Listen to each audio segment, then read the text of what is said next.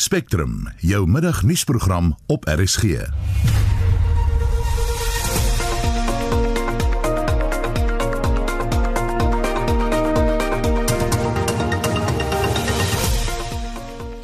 In vermiddag se program boere in die Wes-Kaap verwag 'n bo-gemiddelde appel en peeroes. Meer as 100 munisipaliteite landwyd funksioneer met ongefinansierde begrotings en die jongste Afrimat konstruksie-indeks is pas bekend gestel. Goeiemiddag, die redakteur is John Estreisen, produksieregisseur Lewona Bekes en ek is Susan Paxton.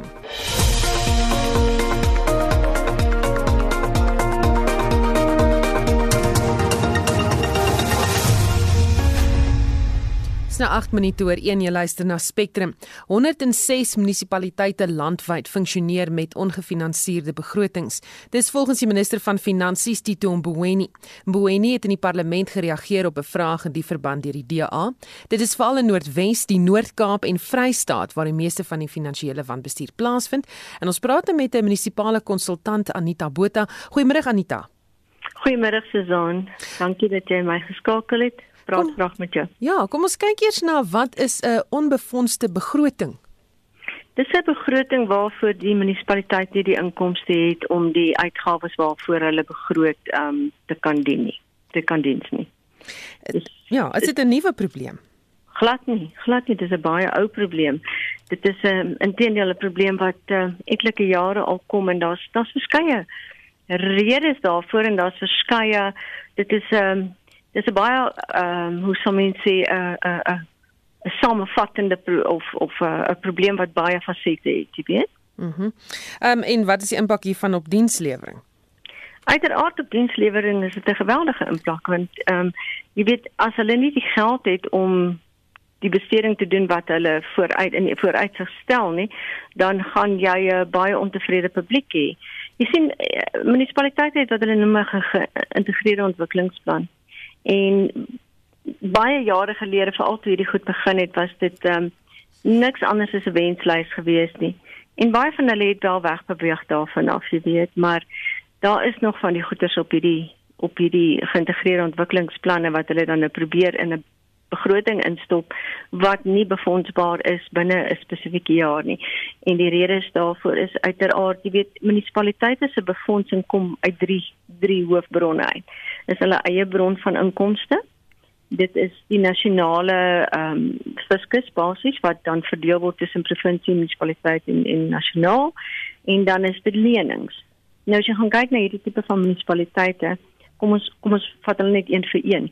Ehm um, hulle gaan nie lenings kry en hulle is nie meer kredietwaardig nie. Gaan gaan bank wil regtig vir hulle lenings gee nie. Daar's 'n hele lys van goed wat 'n bank na kyk of finansiële instellings na kyk. So kom ons kyk nasionale fiskus. Hulle kan ehm um, onvoorwaardelike uh, lenings uh, befondsing kry. Onvoorwaardelike befondsing is hierdie tipe van befondsing wat munisipaliteite almal kry om aan hul behoefde mense basiese dienste te lewer, afval en water en elektrisiteit en so voort. Of hulle kan voorwaardelike befondsing kry. Nou dis daai tipe befondsing wat vir infrastruktuurdienste en so voort is. Daar moet hulle 'n bietjie van 'n teenprestasie lewer want hulle moet ten minste uitvoerbaarheidstudie indien en dis dis meer. So jy gaan baie keer kry dat uh aan die einde van van 'n finansiële jaar dan kom die ouditeur-generaal en sê daar's soveel uh wanbesteding gewees, daar was soveel onderbesteding gewees. Dis tipies daai, hulle kon nie daai daai voorwaardelike befondsing ontsluit nie want hulle het nie die regte goed in plek nie. En daar's nou weer 'n hele myriad soos van sal hulle sê van redes daarvoor. En dan eie befondsing Dit gaan oor inkomste bestuur. Nou in die eerste instansie, kom ons kyk gou na watter dienste kan hulle voor voor gelde hê. Hulle kan vir water en sanitasie. Hulle kan vir afvaldienste en vir elektrisiteit. Afvaldienste het nie geweldige winste uh, aan hom betro uh, verbonde nie. Water en sanitasie, ek bedoel as as jy gaan kyk na die waterverliese wat munisipaliteite het, die sanitasie wat nie onderhou word nie. Ehm um, jy weet die waterwerke en en die ehm um, rioolwerke en so vir wat wat nie onderhou word nie. As jy gaan kyk na elektrisiteit, byvoorbeeld dan sal jy sien ehm um, hulle winsmarge op elektrisiteit het ongelooflik gedaal. Elektrisiteit was baie jare gelede was dit die hoofding wat ander dienste gesubsidieer het. Jy weet as jy vat swembaddens en al daai ander dienste, hulle het nie inkomste nie en gesubsidieer word. So hoe minder geld hulle kan inkry van van hierdie tipe van dienste af, hoe minder het hulle in hulle eie befondsing, hoe slegter hulle dienslewering is, hoe minder gaan hulle daai befondsing inkry. So hierdie is 'n bose kringloop wat ek weet nie eintlik regtig hoe gaan munisipaliteite uit hierdie ding uitkom nie. Hm, ek wonder of jy vra, jy weet hoe lank kan die stelsel soos hy dan nou bestaan so funksioneer voor alles dan nou uiteindelik in duie stort? Want as jy nie geld kan leen nie of geld kan kry nie en ook nie geld in nie, jy weet daai bose kringloop waarvan jy gepraat het. Uh, Susan eintlik in baie munisipaliteite het dit in duie gestort al. As jy gaan kyk nou die toestand van van van die stadsrade en die paaie en die die en daai, dan sal jy sien in die riool wat in die strate afloop en so voort, dan het dit reeds in duie gestort. Die nasionale regering kan by die provinsie en nasionaal kan ingryping doen volgens die grondwet. Maar onder spesifieke omstandighede. En omdat munisipaliteite onafhanklike sweer van regering is, ehm um, kan daai intervensies net onder sekere omstandighede gedoen word. Jy weet byvoorbeeld as 'n munisipaliteit sou kom op 'n stadium waar hy nie die raad kan nie ooreenstem nie en daar kan nie begroot, daar word nie 'n begroting goedgekeur nie en dis 'n inveg uh, vegtery en so voort.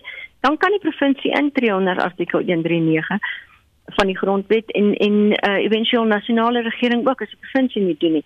Maar daar spesifieke goed wat gevolg moet word voordat jy éventueel by daai intervensies uitkom. En ek moet baie eerlik met jou wees.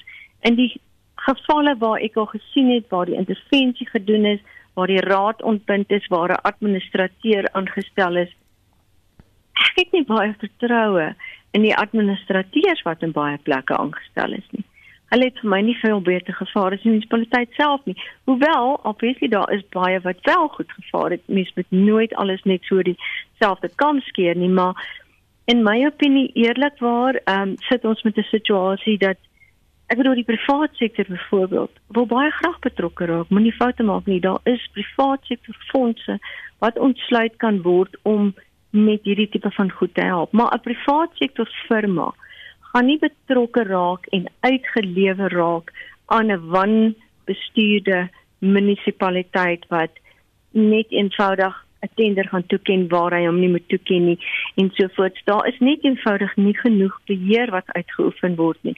Ehm um, hmm. en dan en daar's nog 'n klomp ooh, hoop ander goedes wat ek jou wat ek onder jou aandag kan bring as jy as jy Ehm um, maar ek wil nou nie net aanhou praat nie, jy moet maar my hmm. vra. Ja, nee, ons tyd gaan ons nou inhaal, so gaan dit nou eers daar laat. Ehm um, ek dink ons het die punt daar uh, gekry. Baie dankie vir jou tyd. Dit was 'n munisipale konsultant Anita Botha wat ons gepraat het oor uh, 106 munisipaliteite landwyd wat funksioneer met onbefondsde begrotings. Boere in die Weskaap verwag 'n bo-gemiddelde appel en peeroes na goeie reën verlede winterdae geval het. Die gebied gaan reeds vir jare onder erge droogte gebuk. Die appel en peer of appel eerder en peerbedryf genereer meer as 9 miljard rand per jaar. En ons praat nou oor die verwagte oeskatting met die bestuurshoof van Agri Weskaap, Jannie Strydom. Goeiemôre Jannie. Goeiemôre Suzanne. Goeiemôre aan die luisteraars. So uh, goed gaan hierdie appel en peeroes wees na verwagting. Ja, eh uh, Susan eh uh, op met uh, inligting soos deur die bedryfsliggaam Hortgrou verskaf. Eh uh, blyk dit te wees dat as ons kyk na kartonne wat uitgevoer kan word, praat ons van so 38 miljoen appels. Eh uh, dis nou jou 12.5 kg per tonne en dan 18 rondom 18 miljoen kartonne pere. So en en dit is 'n styging van by die 5% van verlede jaar eh uh, se uitvoere. Hm. Hoe is boere deur die pandemie geraak veral wat uitvoere betref? Wel, eerstens uh, aanvanklik was die hawe mos nou maar gesluit en het ons uh, gesukkel om, om om die vrugte uit te kry. Dis nou verlede jaar al. En, uh, en en dan nou op hierdie stadium lyk dit dat uh, kapasiteit weer 'n uh, probleem op die hawe is, die beskikbaarheid van koelhouers uh, of uh, of skephouers dan en maar ons is daar gesprekke uh, al die rolspelers uh, is in gesprek voering aantrend om dit uit te sorteer so dit is dit is 'n bietjie uitdaging op hierdie stadium en dan ja, die addisionele kostes wat wat boere moes aangaan, uh jy weet, handsanitering en maskers en al die voorkomingsmaatreëls wat hulle moes tref uh vir COVID-19 uh, en ja, wat nou nie begroot is voor nie. Maar andersins ja, ons is opgewonde oor die vooruitskatting en uh en die goeie oes op hande. Hmm. Hoeveel appels en pere word jaarliks uitgevoer? Wel, soos ek sê, dit is uh die die appels is 38, die skatting is nou 38 miljoen kartonne en die pere 18 miljoen kartonne uh wat dan 'n stygings van van 5% verlede jaar is. Uh weet jy 80% van van van jou kernvrugte word in die Weskaap geproduseer. So dis vir ons 'n groot uh, bron van inkomste vir die provinsie en dan ook vir die land. Dit soos jy reg gesê het in die begin rondom 9 miljard rand. Baie dankie. Dit was die bestuurshoof van Agri Weskaap, Jannie Strydom. Die konstruksiesektor is besig om van krag tot krag te gaan ten spyte van die ekonomiese uitdagings wat die land ervaar. Dis volgens die jongste Afrimat konstruksie-indeks vir die 4de kwartaal van 2020 en ons praat nou met Dr. Rolof Botha, ekonom van die Optimum Beleggingsgroep wat die indeks saamstel. Goeiemiddag Rolof.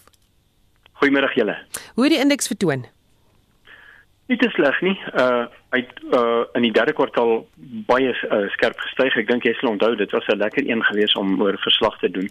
Maar dit het maar gebeur met omtrent elke belangrike ekonomiese aanwyser in die land, van kleinhandel tot groothandel tot uh, vervaardiging het baie mooi reg gekom in die derde kwartaal.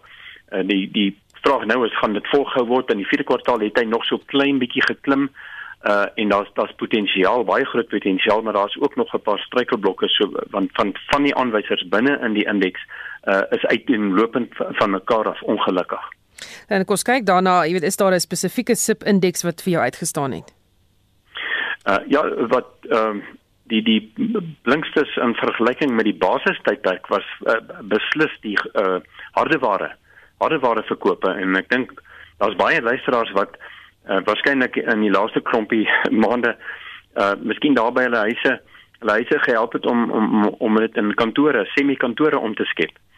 Ehm um, en en mens sien hierdie tendens baie sterk. En dan het die bouplanne wat goedgekeur is by die munisipaliteite het baie mooi uh, herstel, maar soos nou aangedui deur ehm um, uh, Anita ek dink sy is familie van my nie uh, 'n bietjie vroeër is daar nog baie probleme by die munisipaliteite veral met afwesigheid van personeel veral met ondervoegdheid en begrotingsbeperkings. Maar ek meen weet hoe moeilik is dit om 'n klaringssertifikaat uh, uit te reik uh, dat die munis dat die munisipale uh, uh, gelde betaal is. Dit is mos iets wat 'n paar sekondes behoort te duur. Maar hiersoos uh, ek weet nou spesifiek hierso in Pretoria is daar uh, ontwikkelaars wat nou al tussen 3 en 4 maande lank wag daarvoor en dan moet hulle van voor af aansoek doen want dan is die dan die die tyd verstryk. Hierdie is ongelooflik frustrerend en dit is sleg vir konstruksie. Hm. So as jy oor die algemeen kyk, jy weet wat voorspel hierdie indeks vir die res van hierdie jaar? Wel, uh, ek is baie opgewonde oor die uh, indeks se potensiaal uh hier van die derde kwartaal, tweede kwartaal, van die tweede kwartaal af. Ehm um, die eerste kwartaal gaan ons nog 'n bietjie probleme hê. Ons verwag nie dat hy baie skerp gaan styg nie want Januarie was het ons die uh strenger inperkings gehad. Februarie die kortste maand van die jaar. Uh, en nou sit mense met 'n baksteen tekort in party plekke en daar's nog 'n tekort aan sommige staal uh produkte. Uh, ek moet nou dadelik sê dat dit is eintlik uh, nie so sleg nie want dit wys vir jou die vraag het herstel. Nou moet die aanbod weer in die prentjie inkom. En dit is soos uh, daar berig word deur baie maatskappye insluitende en groot bankgroep vanoggend wat gesê het hulle het nie verwag dat die ekonomie so vinnig en so sterk gaan herstel nie. Uh dit is dit is 'n baie goeie teken. As as die met hierdie lae rentekoerse as die regering nou net kan werk maak van hierdie infrastruktuurprojekte kan hierdie indeks kan hy baie maklik later vanjaar hier na 120 130 toe beweeg. Hmm. Rolof uh, staar rede hoekom daar 'n baksteen tekort is. Uh dan een van die redes is dat daar is 'n baie groot aanvraag daarna. Uh en die ander rede is mense kyk na die vervaardigingssektor se onderafdeling waar bakstene nou ingesluit is en wat 'n groot komponent daarvan is. Was daar ongelukkig in Desember en Januarie was daar 'n groot insinking. Dit is asof die Desember vakansie 'n bietjie vroeg begin het in uh, by party firmas. Uh en asof hy te lank aangehou het en nou saam met die inperkingsmaatreëls ehm um, en natuurlik ook die afwesigheid van mense op uh, as jy jy vermoed as jy 'n bedryfstak is waar jy baie naby aan ander mense moet werk en dit is fisieke arbeid so jy haal swaar asem en so aan en jy dink hierdie ou het uh het COVID dan gaan jy verseker wegbly van die werk af. So daar's 'n hele klomp goed uh, wat wat teen daai baksteenvervaardigers getel het, maar ek glo hulle sal nou binne die volgende week of twee daai tekort uitwis. Ek hoop so. Baie dankie. Dit was Dr. Rolof Botha, ekonom van die Optimum Beleggingsgroep. Owerhede hou steeds 'n oog oor verskeie universiteitskampusse landwyd, dit na die studente betogings oor studiefinansiering wat die afgelope 2 weke al heers. Hanteer die regering en relevante rolspelers egter die kwessie korrek? Ons vra die vraag aan professor Bertie van Wyk, professor in filosofie van die onderwys of eh, ja, aan van die onderwys aan die Universiteit Stellenbosch en fakulteitslid aan die Universiteit van South Carolina in die VSA. Goeiemôre Bertie. Uh, goeiemôre. Hoe gaan dit? Dit gaan met my baie goed, maar uh hierdie kwessie van studente finansiering word die kwessie reg hanteer tans deur al die rolspelers. Ek ek ek twyfel sterk daaraan. Ek dink dat uh dat dit dit dit klink vir my asof hierdie situasie herhaal hom elke jaar en daar word nie in diepte ondersoeke geloods nie. En dit is hoekom ons dit elke jaar gaan ons nou die krisis het en dan word dit skynbaar opgelos en volgende jaar gaan dit weer voort. En daar's 'n hele paar redes hiervoor. En ek dink 'n mens moet 'n bietjie na die geskiedenis gaan kyk. Sover as 1994 waar die ANC hierdie uh, verkiesingsbeloftes aan mense gemaak het. En spesifiek met verwys na onderwys het hulle gratis onderwys aan meeste vir meeste uh, studente beloof. En dit is waar die probleem eintlik begin. En as ons nog gaan so ver as 2016 en jy gaan kyk na historiese skuld dan raak hierdie probleem elke jaar groter. En wits universiteit wat aan die voorpunt staan van protesaksies op die oomblik ek dink is so tweede op die lys van historiese skuld van studente met 'n skuldklas van meer as as 'n miljoen. So so. Hmm. So so so ek dink hierdie hierdie situasie word nie hanteer om 'n permanente of 'n strategiese oplossing daar te stel nie. Moet alle tersiêre onderrig gefinansier word, met ander woorde gratis wees? Ek dink nie dit is 'n goeie is 'n goeie model nie. Ek dink dit is juist die probleem. Ons het nie 'n diversiteit van tersiêre inrigtinge nie. Want ek is seker dat jy kan inrigtinge hê wat glad nie uh, staatshulp of dan beperkte staatshulp uh, nodig gaan kry, maar as ons as ons toelaat dat die private sektor uh, sy rol kan speel is daar beslis uh, nou die moontlikheid dat ons 'n paar universiteite kan kry wat finansiëel selfstandig kan wees. Uit jou eie ervaring as studenteleier en nou as professor, hoe moet die kwessie benader en uitgepleis word? Ek dink ek dink uh, wat mense moet besef dat protesaksies uh gaan nie vir ons enige oplossing bied nie dit is amper 'n vorm van van jy jy dwing mense om kitsoplossings te soek. Ek dink dat dat hierdie situasie moet moet so benader word dat jy mense kry om 'n tafel al die rolspelers van die regering van die Suid-Afrikaanse universiteite en ook van studente as ook van die private sektor. Mense moet om 'n tafel gaan sit en dan beplan wat gedoen kan word vir hierdie jaar, wat gedoen kan word vir volgende jaar met 'n 5 jaar of 'n 10 jaar plan kom kry. Ons kan nie bekostig om elke jaar protesaksies daar te te, te te te stel nie, want ek dink dit dra net 'n baie negatiewe beeld van Suid-Afrikaanse universiteite uit.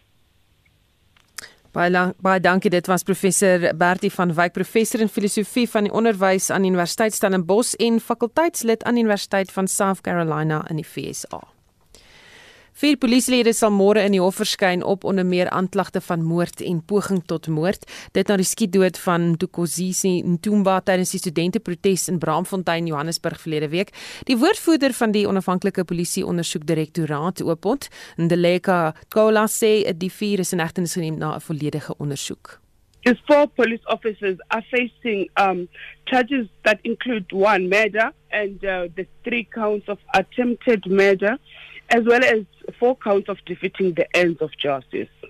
definitely through NPA, IPIT will, will, will try to oppose bail. But of course, you should understand the process. They also have their rights, and uh, court will decide. At this particular point in time, we are not discussing evidence. Remember that evidence is meant for to be presented before the court of law and at the end of the day to ensure justice for Mtokozisi and ensure closure for his family. And I would not want us to go deep into discussing what we found and how we found it. Safe to say that there's various um, investigative aids and techniques that were put in place. They include eyewitnesses that were able to give us their detailed account that include other SAPS officials that were part of the that were in the in that very crime scene. They include ballistic analysis as well as autopsy. So all that information, including technical reports, has given us some sort of evidential information that has empowered us and that has uh, allowed the prosecutor to give us a go ahead to go ahead and arrest the police officers. En dit was Ndeleka Kola, die woordvoerder van die onafhanklike polisieondersoekdirektoraat Oopot. Jy luister na Spectrum elke weekmiddag tussen 1 en 2. Die program verskeie rolspelers gaan binnekort mondelinge voorleggings aan die parlement lewer oor die grondonteeneming sonder vergoeding. Die voorstelle soos dit tans daar uitsien van die regering se kant af is dat dit in die hande van die uitvoerende gesag gelaat word met ander woorde 'n minister. Dit beteken dat die minister kan op die ingewing van die oomblik besluit wel dit is die omstandighede waaronder grond teen nul vergoeding onteien kan word. En studente se historiese skuld by die Universiteit van Johannesburg het in 2020 minstens 500 miljoen rand beloop. Bly ingeskakel. Ons beweeg na die sportveld met Shaun Jooste. Ons val weg met cricketnuus. Die derde wedstryd van die T20 reeks tussen Indië en Engeland begin vanmiddag al 4 in Ahmedabad. Die reeks van 5 wedstryde is gelykop met 1 elk. Die oorblywende 3 wedstryde word agter geslote deure gespeel met koronavirusgevalle weer aan die styg in Indië. In die plaaslike 4-dag reeks het die laaste groepswedstryde vanoggend begin. Die Cobras pak die Knights in Kaapstad, die Lions en Titans in Johannesburg en die Warriors die Dolphins in PE. Die Knights, Lions en Warriors golf eerste. Op die sokkerveld in die Afrika Kampioenligga se 4de ronde van die groepsfase, takel Mamelodi Sundowns en Mazembe van die DRK mekaar vanaand 6uur in Pretoria en Petro Atletico en Kaizer Chiefs mekaar ook 6uur in Luanda. In die tweede been van die Europese Kampioenligga se laaste 16 ronde meet Manchester City vanaand teen Borussia Mönchengladbach en Real Madrid teen Atalanta kragte. Beide wedstryde skop 10uur af. City het 'n 2-0 en Madrid 'n 1-0 voorsprong na die eerste been. En laastens op die tennisbaan stap Suid-Afrika se Lloyd Harris vanaand in die tweede ronde van die manstoernooi in Dubai teen die eerste gekeerde en wêreldnommer 4 Dominic Thiem van Oostenryk op die baan uit. Shaun Joseph van RSG Sport.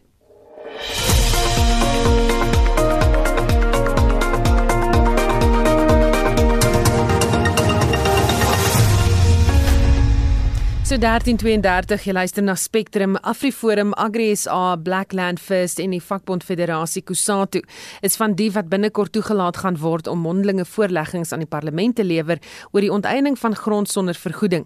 Die Nasionale Departement van Landbou, Grondhervorming en Landelike Ontwikkeling gaan ook hulle sê kan sê, maar het verseë berig dat die ad hoc komitee om die 18de grondwetlike wysigingswetsontwerp op te stel is reeds in 2019 gestig, maar moes werksaamhede weens die pandemie uitstel.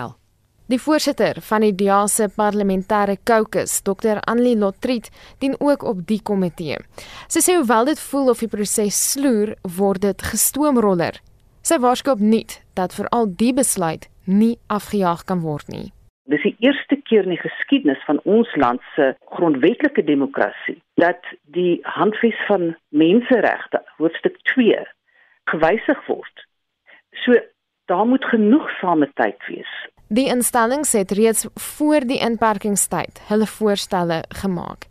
Sy glo daar's nog die geleentheid om die parlement te oortuig om gehoor te gee aan alle argumente. As mens net kyk na die skriftelike voorleggings wat gemaak is, die oorgrootste meerderheid daarvan is nie ten gunste van hierdie wysiging nie met die vorige proses net om te besluit of daar 'n wysiging aan artikel 25 moet plaasvind, was die oorweldigende gevoel dat dit nie moet gebeur nie en mense moet hierdie hele ding nou nog saamlees wat dit nou nog meer kompliseer saam met die onteieningswetsontwerp. Dit is net so gevaarlik as stuk wetgewing as 'n mens mooi daarna gaan kyk en die twee loop hand aan hand. Vir ingeval jy steeds onseker is oor wat die wetsontwerp behels, gee Lotriet die volgende opsomming. Die wysiging van artikel 25 gaan daaroor dat dit vir die staat moontlik gaan wees om grond te onteien sonder vergoeding. Die voorstelle soos dit tans daar uitsien van die regering se kant af is dat dit in die hande van die uitvoerende gesag gelaat word met ander woorde 'n minister. Dit beteken dat die minister kan op die ingewing van die oomblik besluit wel dit is die omstandighede waaronder grond teen nul vergoeding onteien kan word. Nou dit gaan dramatiese gevolge vir ons ekonomie hê en vir eienaarskap wat reg is binne 'n demokrasie. Die onteieningswetsontwerp neem die kwessie weier en bepaal dat enige eiendom onteien kan word, of dit nou grond is of intellektuele eiendom. Daarin word dit ook weer bevestig dat dit nie hande van 'n minister gaan wees om te besluit wat die omstandighede is wanneer daar nul vergoeding gegee kan word. Nou, nul vergoeding of geen vergoeding is 'n geweldige problematiese situasie en wat dit verder nog kompliseer is dat die las op die eienaar geplaas word want die howe word redelik uit die proses uitgehaal en kom eers te sprake as die proses op hersiening geneem word.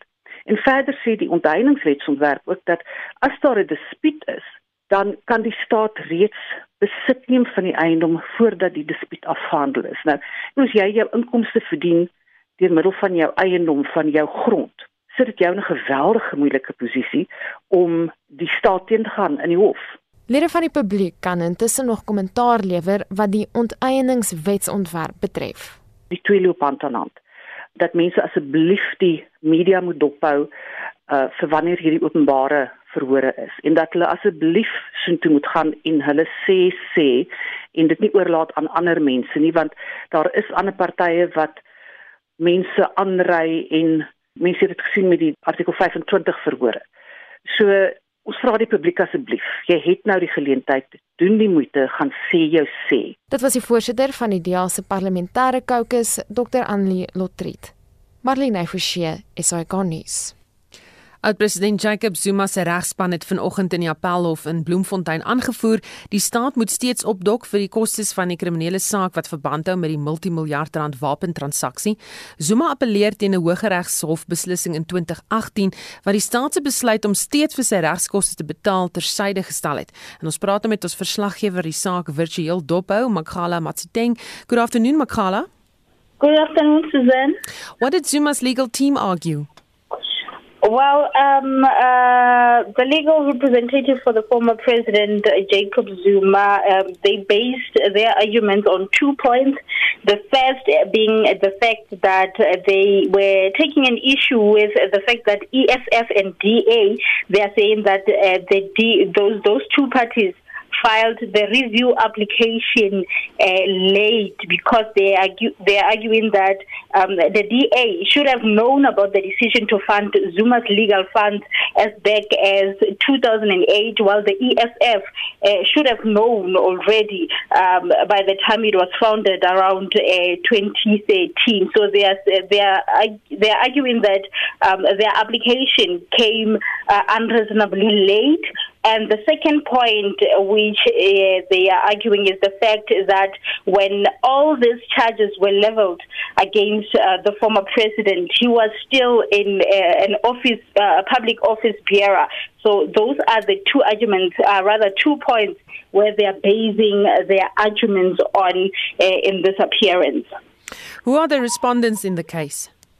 In this case, so far, we do know that um, we are expecting uh, the EFF to come uh, and, and uh, do their arguments, and also the DA has started just now uh, to start with their arguments. So, so far we do know that the EFF is coming and also um, the, the, the, DA will also be responding on this matter because, as I said earlier on, um, uh, the legal representative for the former president, Jacob Zuma, they are saying that their applications to review uh, the fact that, or rather the decision to fund the legal cost of uh, the former president only came late and uh, for that matter later they are saying that uh, it was done late, whereas they knew as back as 2008 because they are saying that in 2008, actually the DAMP actually posed questions around that uh, funding of the legal uh, cost of the former president, but they they were only questioning as to how much money was spent um, to fund his his legal his legal costs. So what happens now? Now we are waiting. Um, uh, the DA is already as uh, has already started with the arguments, and then we will be waiting for the EFF.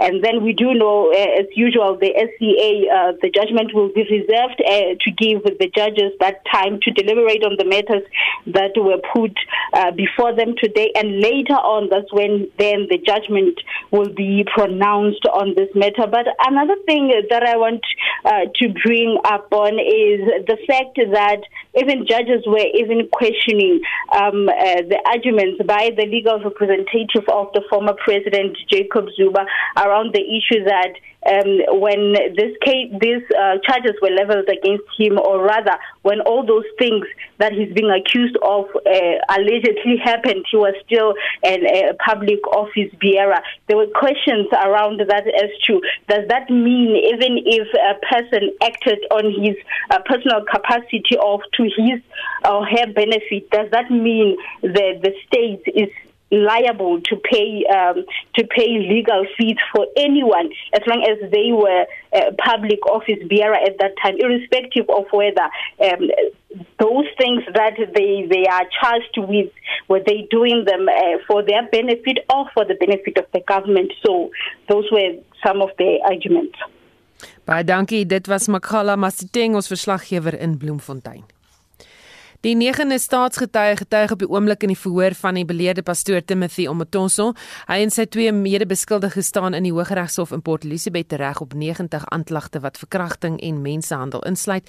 En ons praat met ons verslaggewer Veronica Fourie. Goeiemôre Veronica.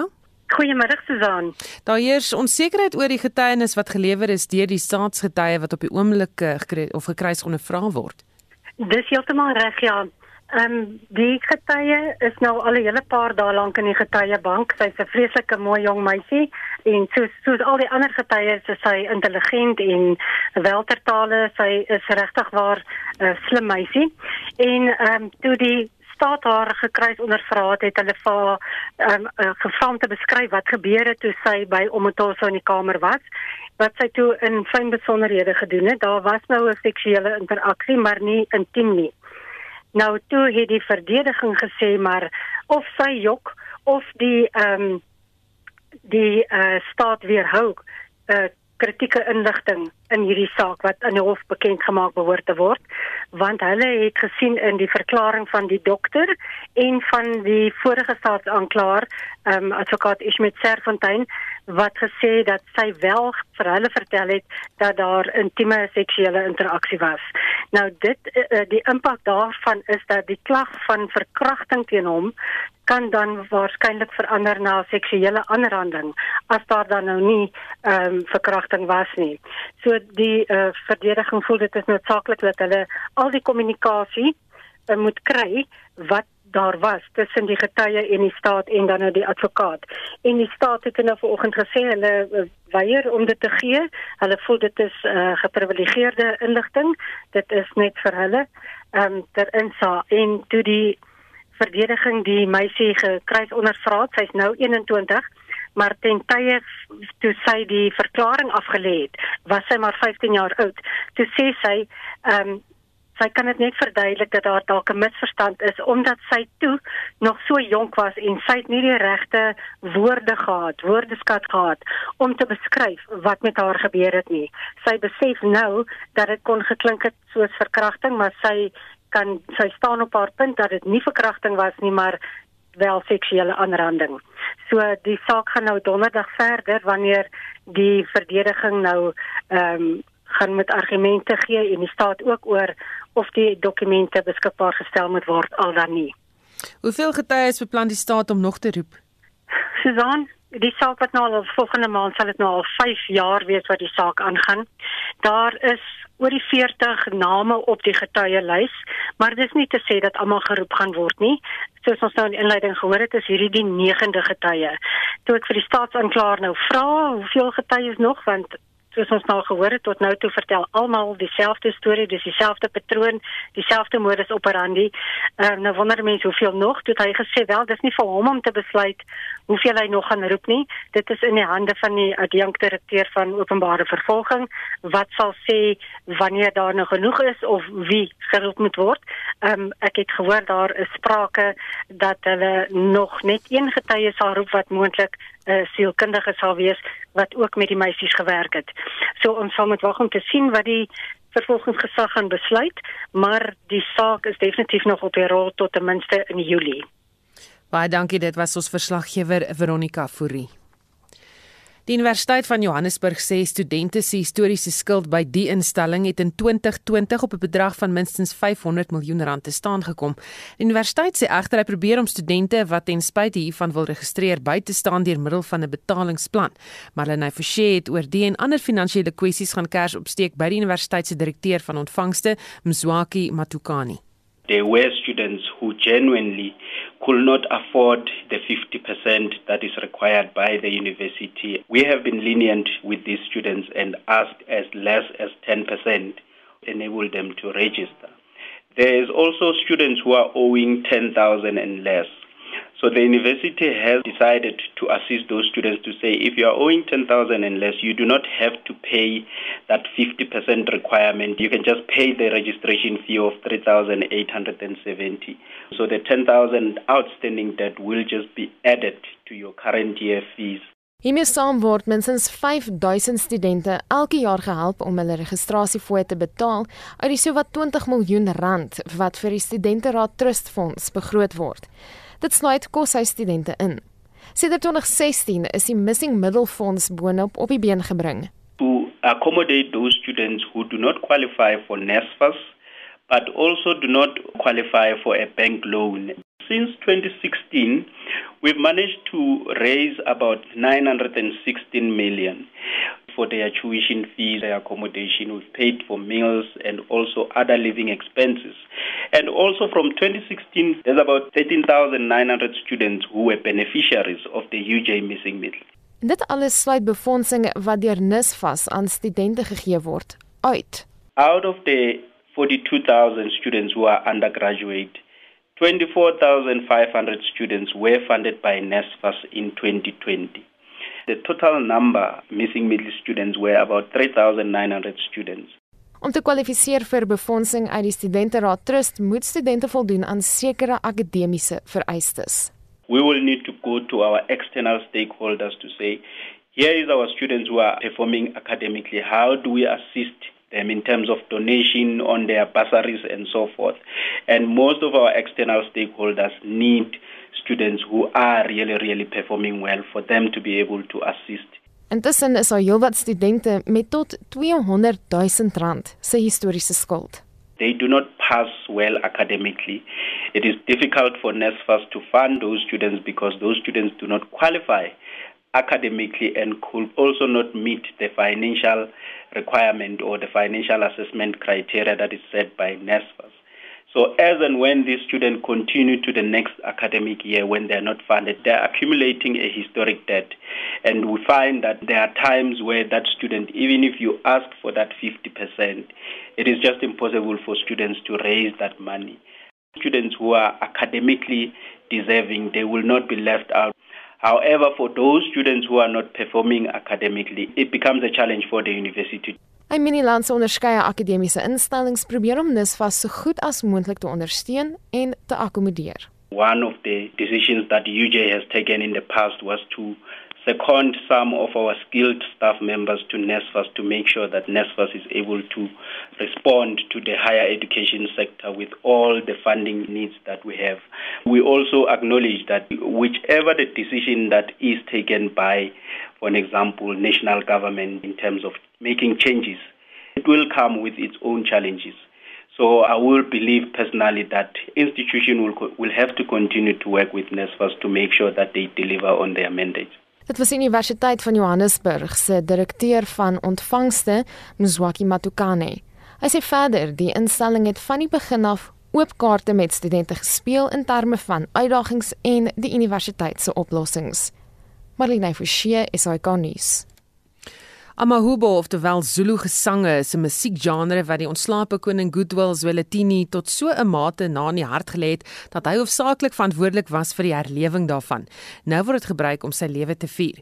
Zwelithini is eh, vrede Vrydag dood aan COVID-19 verwante oorsake in hospitaal in KwaZulu-Natal. Die musikant Muso Koza spesialiseer in Amahubo en het al vir die voormalige monarg opgetree.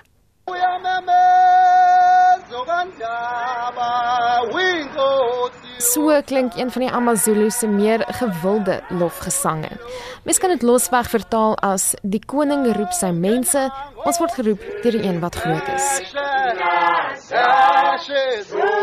In the olden days, each time there is an occurrence or there was an occurrence, they would compose a song specifically for that particular moment.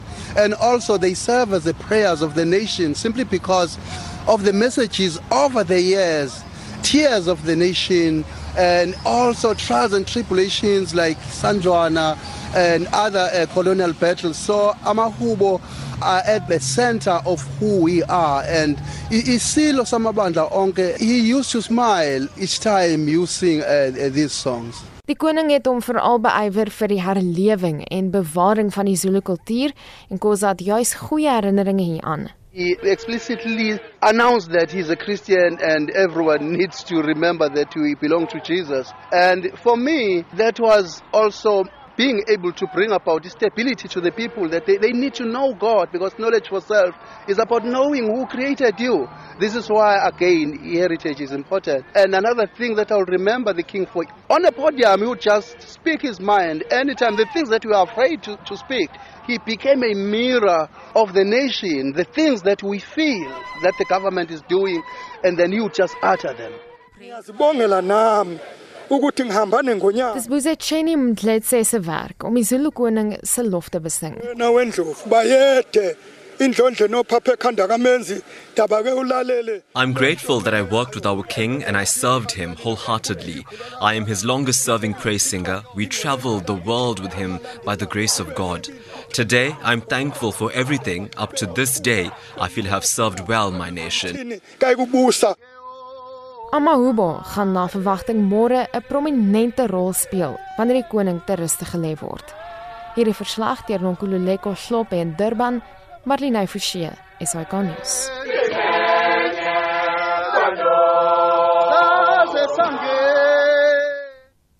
So dat in 51 die ANC het 'n dringende vergadering belê met die parlementêre caucus vergadering voor die stemmery oor die, oor die openbare beskermer vanmiddag gaan begin en ons praat met 'n uh, politieke ontleder Theo Venter daaroor. Goeiemôre Theo. Goeiemôre. So wat is hier aan die gang?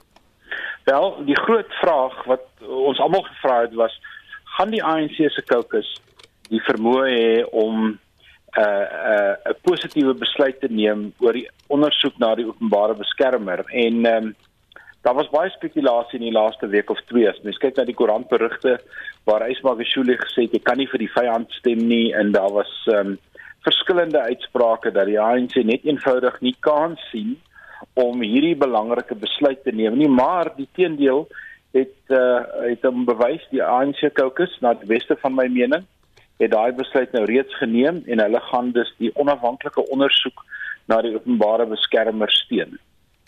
En is dit 'n oorwinning vir die Cyril kamp dan?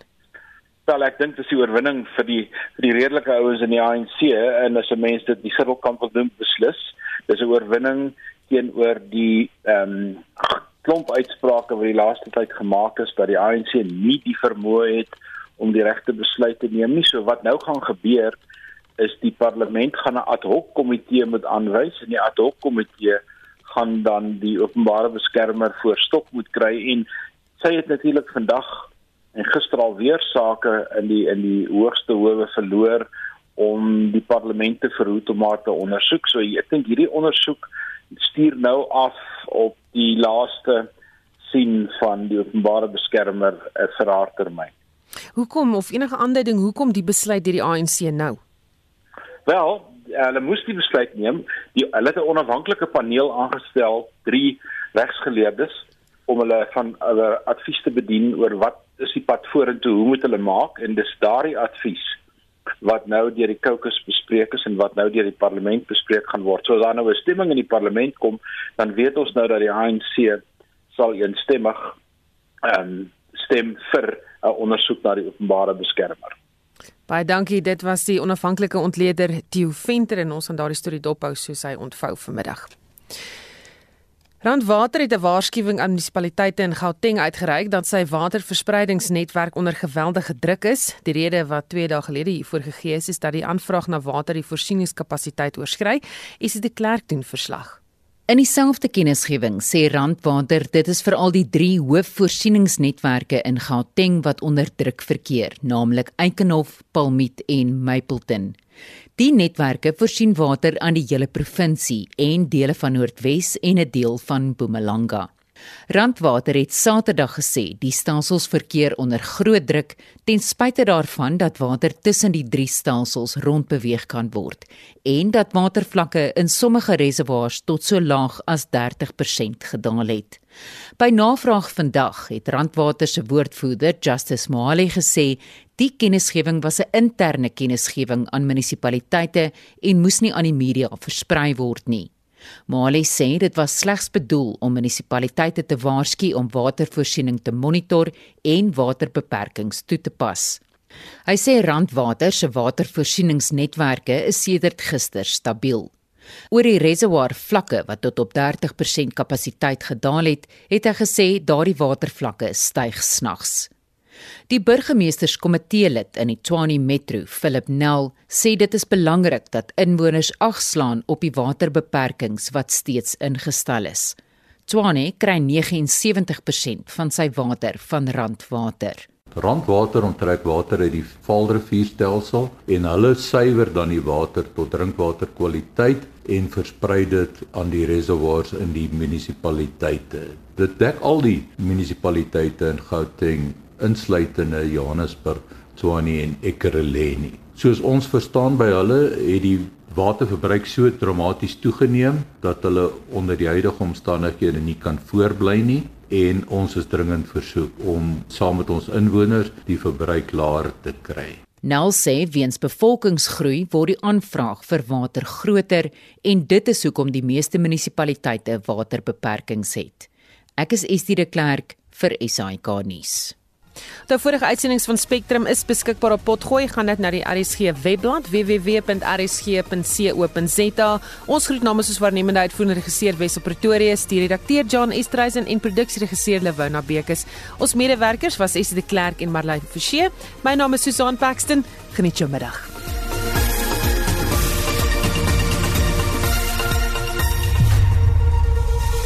Esai Kahnis, onafhanklik, onpartydig.